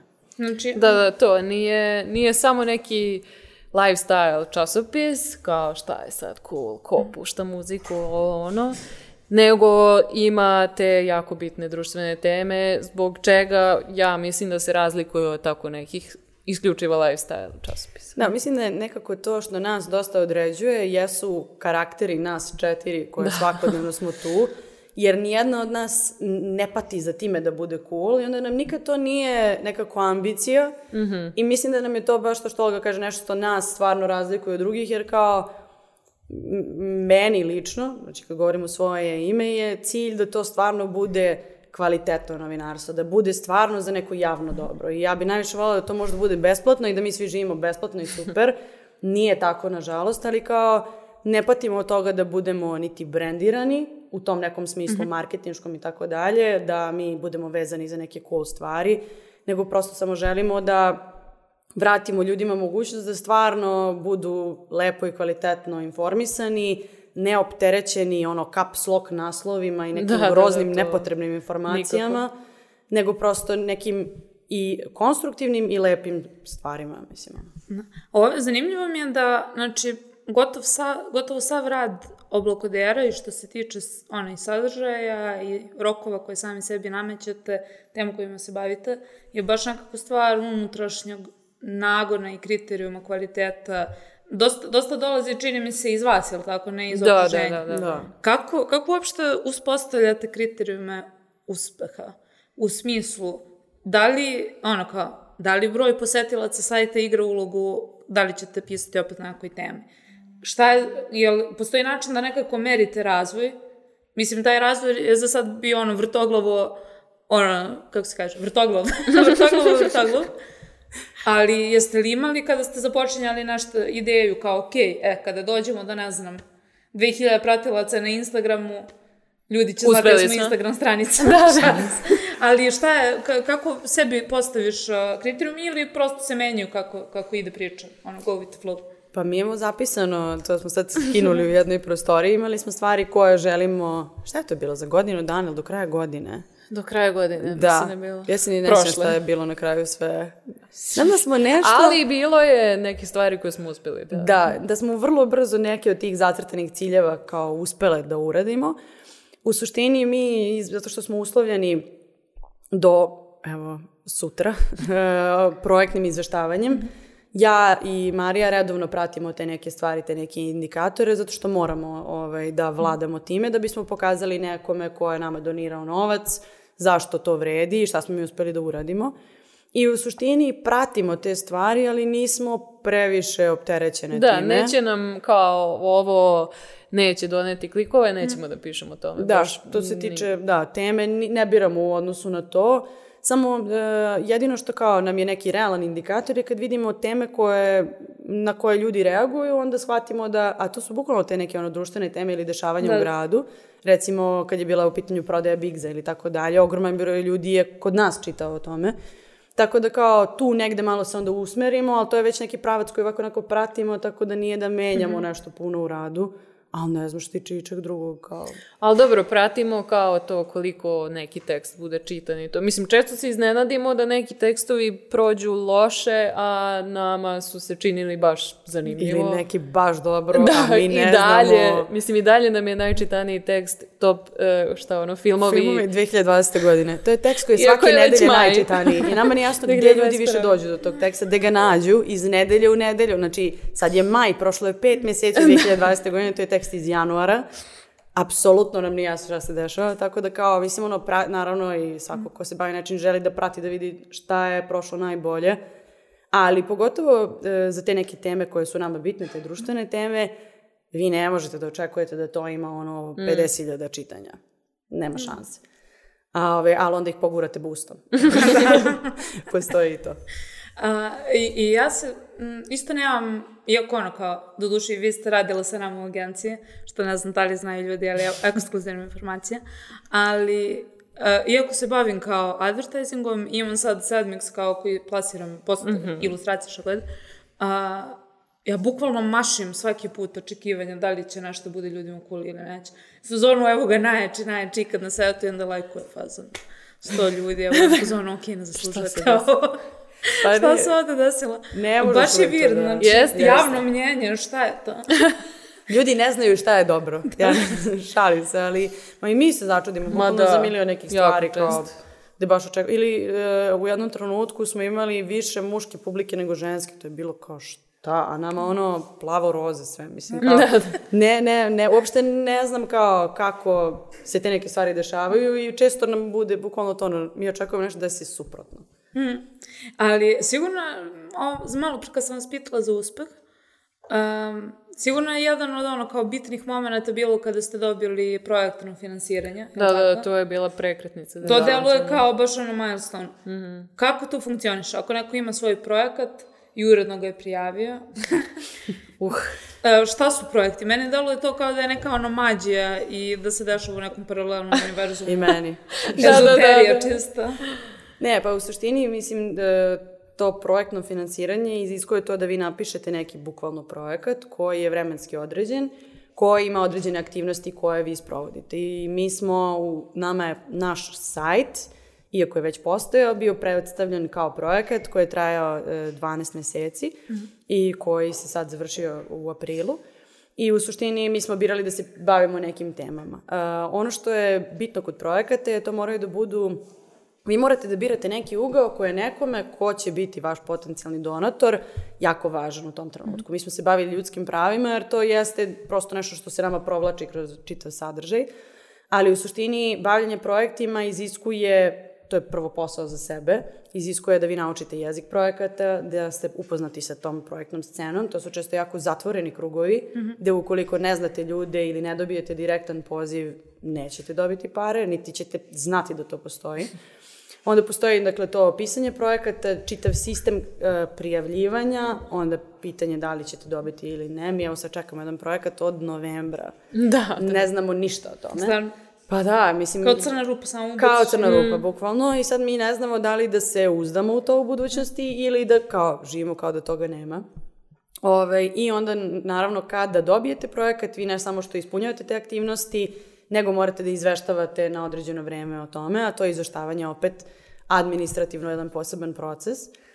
Tako da u suštini za e, malo je najbolji je metod finansiranja u Srbiji za takozvane nezavisne medije trenutno apsolutno, mm -hmm. ali s druge strane je jako opterećujuć model finansiranja i zašto mi želimo da pređemo potpuno na taj model pretplate, jer on vas uslovljava da vi vaše teme uh, ukalupljujete u jedan sistem. I s druge strane, uh, ti ogromni donatori ne funkcionišu, po, to je redko funkcionišu mm -hmm. po principu da oni daju za vaš takozvan core sadržaj i pare, nego vi uvijek morate da smišljate nešto novo. Mm. Mislim, mi imamo toliko sadržaja, mi nemamo šta više novo da osmišljavamo. da. Mislim, kao to što radimo, radimo tako. Može da se finansira jedan deo našeg mm. medija, ali s druge strane, sada mi opet smišljamo novi podcast, novu vrstu teksta, novo, novo, ono, Sa besmisleno, svakim ne? projektom nešto novo mora. Tako je, da. Ali evo, mi smo sad uh, imali privilegiju što nismo očekivali, dobili smo projekat Ministarstva kulture i informisanja. Strava. Da, i bili smo peti na spisku. Smo se šokirale. Ne znamo šta se da... Mislim, kao dobro je napisan projekat, sve je okej, Da. ali nismo očekivali to, pogotovo što smo se prethodnih godina prijavljivali ni nula odgovora. Tako da, eto, očigledno je to što radimo došlo i do, do tih nekih ljudi koji se bave time. Ali u suštini jako je zeznuto i kao moj posao se mnogo bazira na tome, a onda je to suprotno e, s onim kao, mi smo ovo pokrenuli da bi se bavili, mislim kao moja ideja je bila da bi se bavili novinarstvom kakvim želim, i onda se tim novinarstvom bavim jednom u četiri meseca, ako je, ako je dobar period, bukvalno. Ovaj, zato je nama to finansiranje mnogo bitno i s druge strane ono što ljudi ne znaju, a to mislim da je Joga pomenula, ne samo što ne znaju da je nas samo četiri, nego da mi stvarno nemamo stalno finansiranje. Mislim, to nije neka tužna priča, sad mi pričamo o tome, mi biramo ovaj život, ali s druge strane, znači sadržaj koji pročitate kod nas ili kod nekog komercijalnog medija se razlikuje u tome što je svako od nas kao bukvalno se bori za to da radi to. Znači, toliko mm -hmm. veruje u to da kao njegova finansijska bezbednost je uslovljena time. Tako da projektni život je težak, ali je super mm -hmm. s druge strane, jer kao realno ti daje mogućnost da ti kao totalni anonimus pokreneš nešto i stvarno radiš nešto dobro, iako ide uz to mnogo obaveza. Ali kao naučiš nešto, pa i to što kažeš, svaki put kad čitaš nešto ili učiš nešto sa strane, pozitivno će uticati na tvoj posao. Meni je to projektno pisanje uticalo na moje pisanje, najiskrenije, iako su nekomplementarne stvari. A kako se razlikuje recimo uh, pisanje za projekat novinarsko i sada u advertisingu što si radila ono kao u okviru agencije? Uf, nisu u istoj planeti. Bukvalno nisu na istoj planeti. Znači ne, kada ne, ne. neko kaže bavim se pisanjem, to može znači bilo šta. Da, da, ovo projektno pisanje, mislim sad smo ja i Marija pisale neki mini projekat, pošto je Marina pisala ovaj što smo dobili. I ono, ja prvo što nisam uopšte u svetu pisanja, zato se bavim crtanjem, ne želim da pišem. I onda kao nazve, ajde, osmislimo ideju, pa dobro, kao imaš neke, imaš bukvalno svaki projekat e, neka dokumenta sa nekim stavkama koje ti treba kao da popuniš u suštini. I sve to ima neki svoj jezik kako ti to da napišeš, da to zvuči dobro i pametno mm. i da privuče tu osobu što treba da ti da pare. I bukvalno je no, da drugi jezik. E, ali ima copywritinga u projektima? U smislu, da li je dozvoljeno da budeš onako malo quirky pa da nešto se Zavisi našališ se ili je bolje da ne? Da. I Kao i za sve, u svim projektima je najbitnije da vidiš šta taj neko ko potencijalno možda te finansira želi, gotivi i onda ti pišeš tako. I postoji taj bukvalno jedan ono razvijen jezik, što kaže Olga, koji ti naučiš. Meni je trebalo dosta vremena da naučim. Imala sam pomoć jedne drugarice Najre koja je sa mnom pisala taj prvi projekat. To je trajalo od septembra do decembra. Pritom i ona mene pušovala jer je meni to bilo toliko grozno. Ja svaki put imam otpor prema tome kad treba da radim, a kao to mi je deo redovnog posla. Ja svaki put čekam do ono minut do 12 i onda sedim i kao nedelju dana samo to radim. To je ova nedelja recimo. I kao bukvalno ne radim ništa drugo, ali bukvalno je jezik za sebe koji kao, ne znam, kao da je matematika, da. brojevi. Birokratski je, mnogo je lakše ako ga usvojiš na engleskom, mm -hmm. kad ga prebaciš na srpski, onda ti je uvek jako komplikovano, zato što ovde naučiš te fraze koje se koriste i kao užasno je razvijen jezik. Kod nas nije toliko razvijen jezik, mm -hmm. pa je teži za pisanje, ali baš je, baš je specifična stvar u pitanju, tako da nije, mislim, ne čudi me zašto kod nas postoji jako mali broj ljudi koji se bave time, mm -hmm. zato što stvarno nije, nije jednostavno. A gde uopšte dobijete informacije o projektima? Mislim, gde se Nigde. pojavite? Ove, o pisanju ili o tome koji su aktualni? Pa koji su aktualni? Da? Pa zapravo postoje sajtovi na koje se pretplatite, da, i meni je to super jer kao ono, cene nisu velike, a pretplatite se domaći sajtovi i stižu vam ponude, znači kao ja kliknem, mene zanimaju mediji, društvo i mladi i ja dobijam na njihovoj aplikaciji, da, Evo, kad bi još neko od njih pisao za mene taj projekat, kako bi to bilo dobro. Šalim se, ali kao super jer postoje za stvarno servisi za to. Da, da, da. Mislim, u suštini, uh, mislim da je prosek što se tiče medija koji se finansiraju tako, da prijavljivanje na oko 10 uh, projekata godišnje, a da se od toga dobije manje od pola. Mm -hmm. To je ne, ne kao samo situacija kod nas, nego neka realnost, jer kao to je nešto što bukvalno, ne znam, ono, ko kad se klade ljudi, pa kao nećeš dobiti sve. Ali ti pišeš sve, pa vidjet Pa ćemo kao šta će da tiču i u agencijama. Pa, Pa da, bukvalno isto što se toga tiče, da. Samo drugačije Da, pripremaš. da, da. Samo je dosta to striktno, onako, moraš Da. tu to da napišeš, moraš tu ovde. I moraš da naučiš da razmišljaš na taj neki način. Tipa, baš sam skoro pričala s nekim ko je prvi put pisao projekat, ti moraš da naučiš šta neke reči znače, to je šta neko želi od tebe kada kaže neke stvari. Sad ne mogu setim ni jednog konkretnog primjera, ali kao, recimo, definisanje aktivnosti je toliko za projekte specifična stvar da misliš da je to, pa šta je lako kao definisat ću aktivnosti, to moraju da budu tako specifično definisane aktivnosti i da budu aktivnosti na njihovom jeziku. Znači, bukvalno kao da pričam na drugom jeziku. Meni je, ono, par meseci trebalo da shvatim kako se to radi. S druge strane, ne postoje neki kao uh, globalni edukativni programi na tu temu, nego je bukvalno ja sam imala sreću da sam imala blisku drugaricu koja zna to da radi, ima godine iskustva, da je ona meni pomogla i naučila me. Inače, ne znam, mislim... Inače, da, sama bi vjerovatno. Da, nema ni na fakultetima, znači nema nigde gde ti kao formalno se obrazuješ za to, već, eto, To je baš nismo zanimljivo. imali sreće. Da. Bukvalno alhemija, ono, samo na papiru. Pa da, bukvalno. A šta se, znači kada ste dobili projekat, znam da ste, ono, kao Oblokoder Salon, što je emisija u nekom live razgovor formatu. Pa to je trebalo zapravo da bude nešto potpuno drugačije. Dobro, Ali opet, Ekskluzivno. zbog korone nije to moglo da se desi, jer mi kad smo dobili projekat, to je bio početak 2020. i to je zapravo su trebale da budu neke javne debate. Debate, da. Stvarno? Da, da. Bravo. I onda to nije moglo da se desi. I onda smo mi to samo prebacili u kao video format gde ćemo da dovedemo te ljude koji se razumeju te teme, da oni pričaju o tome kao zajedno. Da. A kako izgleda, mislim, jeste se vi bavila pre videoprodukcijom? Znam da si se ti bavila Samo ovde. toga, da. Ono kao, čini mi se kao da, da non stop morate da usvojate neke skillove. Marina je naučila pišu projekte, ti si onda krenula da snimaš emisije, Jeste. ne znam šta ste još radili. Kako, Pa kako sta- se snađeš? Pa i dalje, ne znam, nekako samo moraš da naučiš i to je to. I mislim, ono, što više to radiš, učit ćeš bolje i bit ćeš bolji i sve to. Ali ne znam, sad je evo bila ova publikacija, ja sam sad morala da naučim ono InDesign, kako funkcioniše. I išla sam kod mame u, ovaj, u Clio, ovu izdavačku kuću, da me njen kolega koji radi njima prelam da mi pokaže neke cake, mislim, zato što nema pojma. Ta neka pravila koja su izuzetno striktna kad se radi štampano izdanje.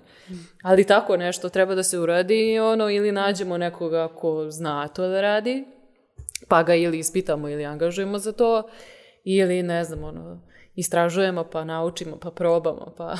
Da, meni se čini da ono kao u, u kompanijama, da kažemo u nekom najširem obliku, na radnom mestu, uh, nekako taj proces znanja, e, znanja i učenja je dosta teži, jer kao uvek postoji mnogo veliki pritisak da ne pogrešiš i da uradiš nešto na način koji se ne radi baš na tom mestu, a sa druge strane da kao ne ura, da ne cimaš previše ljude oko sebe, da, razumem, ono, Da, da, da, ne kao, smiješ. da, bukvalno neću smaran sad, da ne bio smaran. A da je to baš veliki propust zato što kad god radiš ono na svom nekom, opet, poznacija navoda pešnom projektu, vama je ovo sada posao, ali jeste posao koji je nastao iz projekta, iz jeste, da. Peš. A, mnogo laganije, brate, učiš stvari. Ja sam Jeste. bukvalno naučila pripremu za štampu, zašto sam bila u fazonu, "Ću- hoću vidim kako izgleda ilustracija na papiru. Kao, nek, nek, nek ne bude okej. Da, šta da, god. da, ali hoću da probam da vidim. Da, mnogo manji pritisak. A iz druge strane nekako drugačije učiš kada učiš za sebe. Ima i tu velika razlika, jer kao u fazonu si ima kao ajde probaću i stvarno jeste taj nije isti pritisak kad je pritisak samo koji je kao neka tvoja odgovornost ili neki strah da će nešto se strašno desiti, dobiti otkaz ili tako nešto. Tako da mi smo stvarno nam dosta toga same naučile, jer S druge strane, čak i kada angažujemo nekoga, mi moramo da imamo neko minimalno elementarno znanje o tome da bismo prepoznali da li je dobro ili ne. A i stvarno smo imali priliku da sarađujemo sa raznim mladim ljudima koji su hteli i za neke simbolične sume ili kad smo imali zbog projekta novac, znači da možemo normalno da ih platimo, da su kapirali šta mi želimo da radimo, da su stvarali sa nama i to je isto bilo super, nije da smo sve baš same radile. Da, da, da. A i mislim isto da ljudi ne kapiraju to kad kažeš dobili smo projekat i kao dobili smo pare, ne kapiraju da svaki dinar i je određen za nešto. Ti ne možeš tu da manevrišeš sad kad im- imamo tu sumu i možemo da je koristimo za bilo šta. I ne, nego tu je sve jako striktno određeno i onda mislim da ljudi isto to ne znaju, nego kao šta imate. Kao, gde vam je sada money gun? Da, da, da, u Zašto se fazonu ne ako je pao džak para na vas, a vi ste u fazonu, Ali ono, nemam ne. pare za taksi. Kao, bukvalno. A si u fazonu, ok. Ne, mislim, mnogo je komplikovano, pogotovo kad ljudima kažete dobili smo projekat. To zvuči kao da, Da, si dobio ne, milione i milione evra, a ti si dobio neku svotu koja tebi bukvalno obezbeđuje elementarne plate, prostor i da uradiš još nešto. Znači nama da ona kao odštampamo ovaj časopis, to jest magazin, da snimimo te neke emisije i to je to. Mi nemamo gde da se mrdnemo Da, da, više da, i kad se završi, završilo se. Znači kao, Prosto nisu to neke e, realne cene u odnosu na to koliko mi radimo, ni blizu, a ljudi imaju tu percepciju kao, a pa one su dobile projekat, to su neke ono, evropske pare, da, ja, mi smo Da, da, da. onu Plaćenici. važi, plaćenici stran, da. E, a na šta me, sad mi je na pamet, jel postoji razlika između časopisa i magazina? Da ja ne bi znala, ja ne bi znala koja je formalna iskreno, ali znam da e, naša lektorka, Sneža i novinarka svaki put naljuti kad ja kažem časopis, tako da sam u fazonu Sneža magazin je komentariši, dobro, da. napiši u komentaru koja je Objasni ljudima šta Recite znači, ja nemam pojma iskreno. Da, kao znam da je magazin grupa, Da, bravo, jeste, to je to. Mislim da je tako to, to, to je ta definicija. Da. razlika. A onda smo mi ipak časopis, nismo da. magazin. Niste. Mada Moramo možda, se da menjamo. Pazi, imaš malo vibe Jelena, Rozga, a, možda zbog kose. zbog kosa, tako da. Nije zbog glasa sigurno. Nije slučajno. Šta sam, da, šta, e, s- sad kad ste pričali o stanjama koje ste naučili, kao moraš da naučiš stvari da bi ih sama uradila, da bi nam Olga pripremila magazin. Magazin za Magazin? sat, da. Da, okej. I da bi je Marina napisala projekte. Ali pored toga, vi sarađujete sa mnogo ljudi koji vam non stop šalju materijale i kao tekstovi i tako dalje. I kao kako izgleda ceo taj proces? Vi ste na neki način njima mentori, urednici, lektori, Pa to zavisi šta, kako za to kako izgleda koga. sa saradnicima Oblakodera? Da, pa bilo je pre, e, to je možda bilo na početku ovog projekta, da je bio konkurs kao za mm, mlade novinare. E, još i pre toga. Pa Još smo pre. mi izabrali njih desetoro. Da, da, da. I oni, mislim, ti ljudi su tu da i mi budemo kao mentori i da im kažemo kako treba da se piše, šta, ovo, šta, ono, bla, bla, bla. Ali sa strane imamo neke ljude koji su, ono, stariji, iskusniji, koji znaju već sami da pišu i oni nam bukvalno samo pošalju tekst, ponekad vizuale ako imaju nešto, ako ne, onda mi nešto smislimo. Ali za njih, ono, sad pošalju nam i to okačimo i to bude super i to je to. Da, mi smo uveli taj program e, kad smo tek nastali, da imamo taj kao mentorski pristup, da ljudi koji su mladi i koji žele da se bave novinarstvom nemaju prilike i ne moraju da imaju nužno formalno znanje, dođu i pišu za nas i onda mi uređujemo te njihove tekstove. I to je, mislim, trajalo dugo i sad imamo to, ali u ekstremno manjoj meri, zato što je to bukvalno posao za sebe. Znači, mi smo to pokrenuli iz bukvalno plemenite ideje da damo ljudima prostor i onda nam se malo to i obilo u glavu jer prosto e, svako želi da radi nešto i želi da piše nešto, a ako neko na kraju dana ne želi da se bavi tim novinarskim poslom, to gleda kao hobi, a mi to ne gledamo kao hobi, onda oni to pišu kao da im je hobi, onda mi doživljamo nervne slomove s tim tekstom i tako težak je proces. I baš smo se trudili, imali smo i radionice pisanja, radionice novinarskog mišljenja. Ja sam toliko izmišljala stvari, ono, slali im tekstove koje mogu da čitaju. Međutim, samo sa određenom manjom grupom, oko desetak ljudi smo, kad smo pokrenuli projekat, shvatili da možemo stvarno to da radimo. A s druge strane imamo i te neke stalne saradnike, što je Olga pomenula, koji su neki ljudi koji stvarno se ono, bave pisanjem, ili su ljudi koji su sa nama pokrenuli magazin, pa su zbog svojih nekih poslovnih puteva se udaljili, ali i dalje vole da pišu i deo su naše ideje. Tako da, trenutno nam je tim mnogo smanjen, osim nas Da. četiri. Imamo još desetak ljudi ukupno sa svim tim, dakle, našim saradnicama koje su prošle mentorski program i sa ljudima koji redovno pišu. ovaj, recimo, Jovan Kostić koji vodi stranicu Evo ti film, za nas piše jednomesečno tekstove o filmovima. Tako da, Da, imamo tako neke saradnike. Ali, ali taj mentorski moment je Da. super, samo e, je bukvalno posao za sebe, što je Marina rekla, a mi trenutno nemamo vremena ni kapaciteta da još i to radimo. Između preloma projekta čišćenja Da. redakcije. Da, Nismo čistili redakciju dugo, to moramo, sledeće Što to nedelje. sad priča? Novi projekt. Novi projekat, čišćenje. Pazi, ako je pred kamerama... Kupite možeš da se usisivač. komentuješ, Da, očistite oblakode, radna akcija. Joj, užas. A, e, znaš šta me zanima? Kako znaš da li je neko, ono, oblakoder autor? Kao, je li ima taj neki moment, kao što mi kažemo, je li ima neku žišku kada dođe Da, na, da, da. na, na razgovor za posao ili nešto? Je li imate neke te kvalitete za koje ste u fazonu, da, ovo su ljudi? Pa, Mislim, meni šta je- najviše pogled na svet. Dobro? Znači, sve ostalo su stvari na kojima može da se radi. Ja sam nekad čak bila i previše optimistična za pojedine ljude da može da se radi. Ali, taj neki bukvalno pogled na svet i set vrednosti koje neko neguje da bi se poklopio sa tom našom pričom. Tako da mislim da je to najbitnije, ne znam. Pa misliš? pa i meni isto taj. Da. I da ima cool patike. može da se oblači kako hoće, samo je bitno da ima taj bukvalno komplementaran pogled na svet. I recimo, znamo kada nam dođe neko ko već vidimo po izboru tema ili izboru ljudi koje bi da intervjuiše, da to nama škripi i nije baš nešto što bismo mi, onda već odmah prepoznamo i u fazonu smo ok, ništa.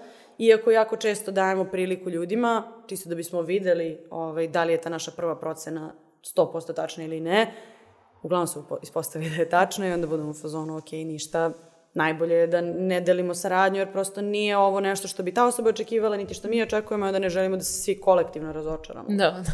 Ali postoji bukvalno taj ono set vrednosti i pogled na svet su kao definicija.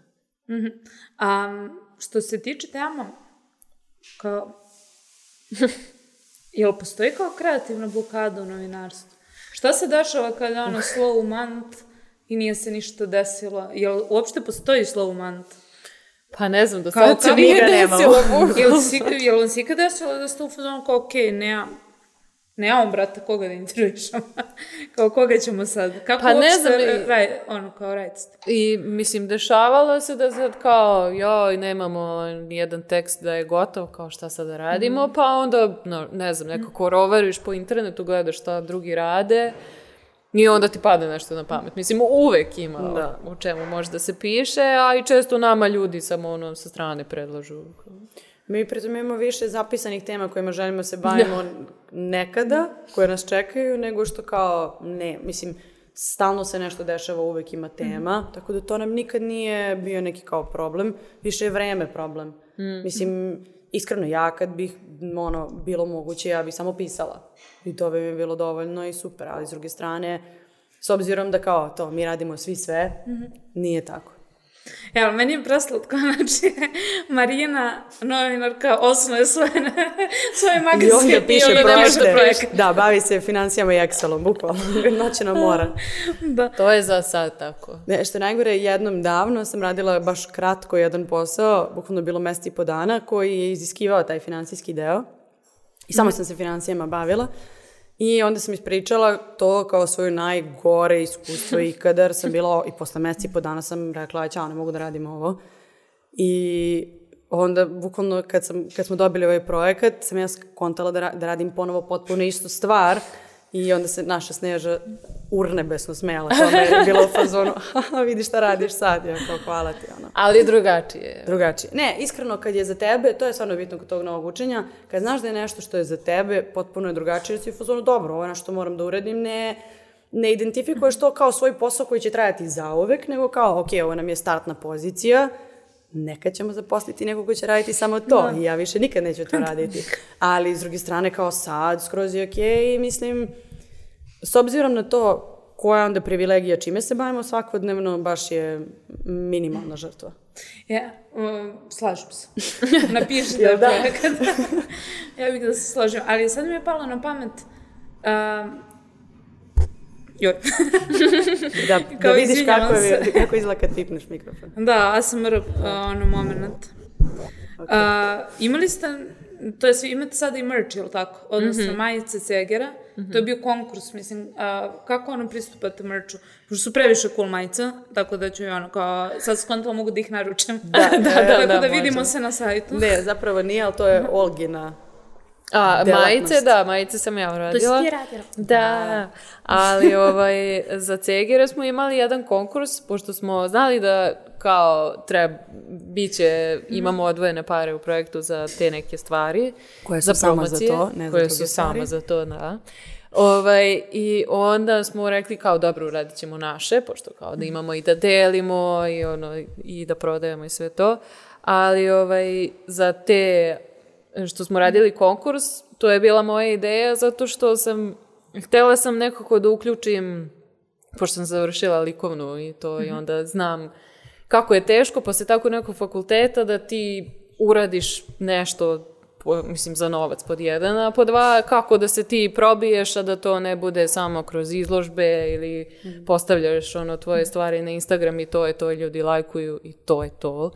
Nego kao ajde da damo tim nekim ljudima prostor e, da može njihov rad da se nađe na nekom cegiru koji će ljudi možda da kupe i da nose po gradu i da se to vidi, I, a mi imamo platformu preko koje možemo da ispromovišemo te ljude i da to stvarno bude viđeno i da im, mislim, pružimo taj prostor. Što iskreno nema ga. Ja, kako dovoljno. izgleda biti mladi umetnik kao što si ti u Srbiji? U smislu, ti si Joj. završila likovnu akademiju. I evo Da. sad. Kao što je bavi se slikarstvom. Aha. Živi od toga. ovaj, a dobro, Šta to je druga opcije priča. uopšte? Pa ne znam, zavisi Osim šta da želiš. najjače magazine sad. Tako je. Zavisi šta želiš da radiš. Naprimjer, ja e, sam završila srednju tehnoart školu i smer je bio nešto tipa grafički dizajn, ilustracija, animacija. I ja sam tamo zapravo naučila ovaj, Photoshop i Illustrator i sve to. A mislim i pre toga sam se interesovala i učila kao ovaj, mala sama te neke stvari. Pa mi je zapravo taj neki deo doneo ono, finansijsku podršku. Ali ovako, kad završiš likovnu i zn- znaš samo da crtaš i da slikaš, pa mislim nije lako, Ali je jako. ali je jako da. Postoje načini, ali e, problem je što, mislim, meni je bio problem na fakultetu, što sam shvatila posle, što te niko ne uči kao šta posle.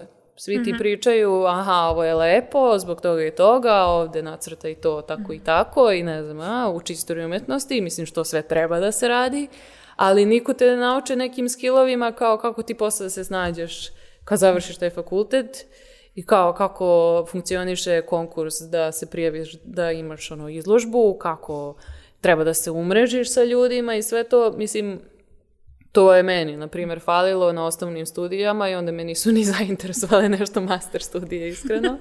Rekao, "N- neka, imam ja, imam ja druge stvari koje hoću da radim. Ali ne znam, mene svašta interesuje, pa nisam ono, klasičan tip koji želi da se bavi isključivo time i da budem usko orijentisana, nego se bukvalno sve me interesuje, ono, i 3D modelovanje, i InDesign, i, ono, i samo crtanje i slikanje i to, ali opet, mislim, fali neka podrška. Ali Da, dobro, Olga je pokrenula zapravo platformu sa drugaricom za Da, promociju da, da, sa mladih Marijom mojom, ovaj, Drekavac studio i to je naša ideja da ta platforma bude za promovisanje neafirmisanih umetnika i za prodaju njihovih radova, pošto em što je mnogo lakše to raditi u, kad si u nekoj zajednici i da su svi na jednom mestu, nego svako preko svog Instagram profila i čega god da prodaje. Mislim, to, to i dalje ovaj, se razvija. Ali to smo radile zato što smo primetile da nedostaje upravo tako neka platforma u Srbiji. A vi što je opet oblakoder vrsta vrednosti? Da. Aha. kao, kao Hotel California, you can check out every time, anytime like, but you can never leave. Bukvalno. Ali, Ne baš to. meni je Drakovac isto, mislim, ja znam za tu platformu. I opet mi je... Ne, ne, Miljo, da li si se pripremila? Nisam videla pitanje to. Ovo je- Ovo je sad, sad ulazimo Bonus. u drugi sat, nema više pripreme. Kao izvadite Sad je časkanje. Ali mi je zanimljivo što i Drekavac, što mi je slično oblakoderu, imate mnogo jak brand. Znači, taj Drekavac, sam naziv, sam profilna slika, načine na koje promovišete umetnike i njihove slike. Ja sam bukvalno u fazonu, ono kao, odlična mi je umetnost, istovremeno mi je odličan digitalni sadržaj. Ja se radujem kad iskoči vaš post. Ja Kad iskoči "Oh my God, E, to mi je story, mnogo drago. story su Da, meni da, favorit. to, to Marija bukvalno. postavlja, tako da pratite story ako volite TikTok, a nećete da ga instalirate. Bukvalno, da. Kao ja. Što su zapravo svi milenijalci. Da. Kao pretvaram se da ne volim TikTok, a zapravo samo gledam sve na Instagramu. Jo, ja sam juče gledala onaj Reels na Instagramu. Joj, tu kad uđeš. E, nije loše. Majke mi nije loše. Samo Još ti malo pa. TikTok, Maki. Još, ne, ne, ne. Mogu, ovde mogu već da se prilagodim. Ma samo ti izbacuje, bukvalno 15 sekundi ide sam, dalje ne moraš ništa. Da, da. da. Ali, na primjer, za Drekavac, ist, mislim, to ja i Maki smo htjele da pokrenemo jer smo vidjele da ne, nedostaje tako nešto. Ali, na primjer, za ime smo se našle i bili smo u fazonu, ajde, danas ćemo da smislimo. Bukvalno kao one, kao nećemo izaći dok ne smislimo. Nije bilo baš tako, ali smo kao, ajde, ma, sad ćemo mi da sednemo i sad ćemo mi to da smislimo. I bilo je gomilo nekih jako glupih predloga, ali smo onda shvatile da nas dve kad se ono, nađemo u istoj prostoriji, jako se često desi da se dernjamo i da vrištimo, ne iz nekog ono, validnog razloga, nego samo ne znam šta se desi. I onda kao, ma, ma trekavac, ma može. I onda vidjet ćete ako uđete na naš Instagram profil, jedan od prvih postova skroz dole, ja sam animirala naš logo, a čuje se Marija kako vrišti. Da. Joj, to je njen glas. To je Da. njen Ja sam mislila s kim... Ali zanimljivo m, i čini mi se, daj Bože da je tako, da smo nekako kao društvo evoluirali. Da iz doba kada su, kada su svi brendovi bili ono kao neka strana reč, mislim i oblakoder i Drekavac su baš ono dobre, neizrabljene, cool reči. Pa ne znam, meni je to e, baš karakteristično za, muzi, za ovu muzičku emisiju koju imamo, ovaj, digitalni kasetofon. Sve više ima bendova koji pevaju na srpskom. Znači, pevanje na engleskom, na nekom stranom jeziku je užasno nepopularno i ljudi sve više slušaju muziku domaćih nekih autora koji pevaju na srpskom jeziku. Nema, nisu više toliko popularni cover bendovi i te varijante. Sad, to je baš bilo huge, brate, 2000 tih, Bukvalno do 2010. 2010. ono, možda i 12. Da. Tako da mislim da je i što se tiče imena brendova to popularno. Čak mislim da sad već kad neko da neko ono strano ime, ljudi su u fazonu kao što? Mislim, odakle ste vi? Da, Znaš, da. baš Da, ima, jeste, jeste. nije toliko pozitivna asocijacija. S druge strane, mi nemamo globalne aspiracije s ovim što radimo. S druge strane, i da imamo neku želju da se globalno umrežavamo, užasno nam je važan lokalni identitet, pa nikad ne bismo menjali da ime bude, ne znam, misli skyscraper, grozna Skyscraper reč. baš nije Baš to to. reč, da. Tako da ne Ali ne znam, meni što se sviđa, na primjer, i kod oblakodera i kod rekavca, što ništa to nije previše ono, čisto i kao, a, ne sme, o, ne, to imamo onako čiste linije, sve to. I mislim i tekstovi o čemu se piše i šta se radi, nego je nekako sirovo i mladalački i ne znam, prenosi tu neku energiju. Pazi, autentično je. I mislim da je to baš velika reč uh, za sve projekte koje ljudi rade danas. Da ti ne možeš više ni kao čitalac, ni kao potrošnik, kao bilo šta, da se povežeš sa nečim što ne deluje autentično. I Da, onda jeste, se to uklopa zapravo i u to zašto srpski lokalni naziv, zašto vam je bitno da imate saradnike koji dele vrednosti, zašto ono nećete se kao ne, nećete promijeniti ono kao temu ako se ne čita i tako dalje to je baš Mhm. ono kao konzistentna autentičnost koju ljudi mogu da, da prepoznaju kao vrednost. Sad si nas baš lepo opisala. Hvala. Možemo ovo stavimo u uvod. Ali, kao i secite za stvari. da.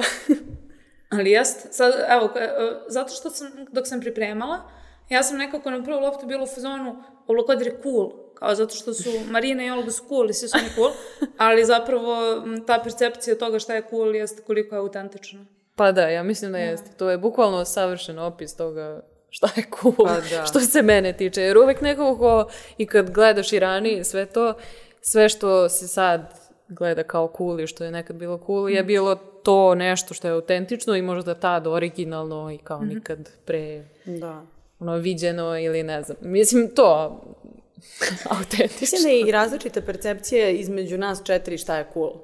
I I, da, onda da jeste, i to, to mnogo određuje šta onda bukvalno bude ta neka kao ono najmanji zajednički sadržalac toga šta je svima nama kao okej, da prođe.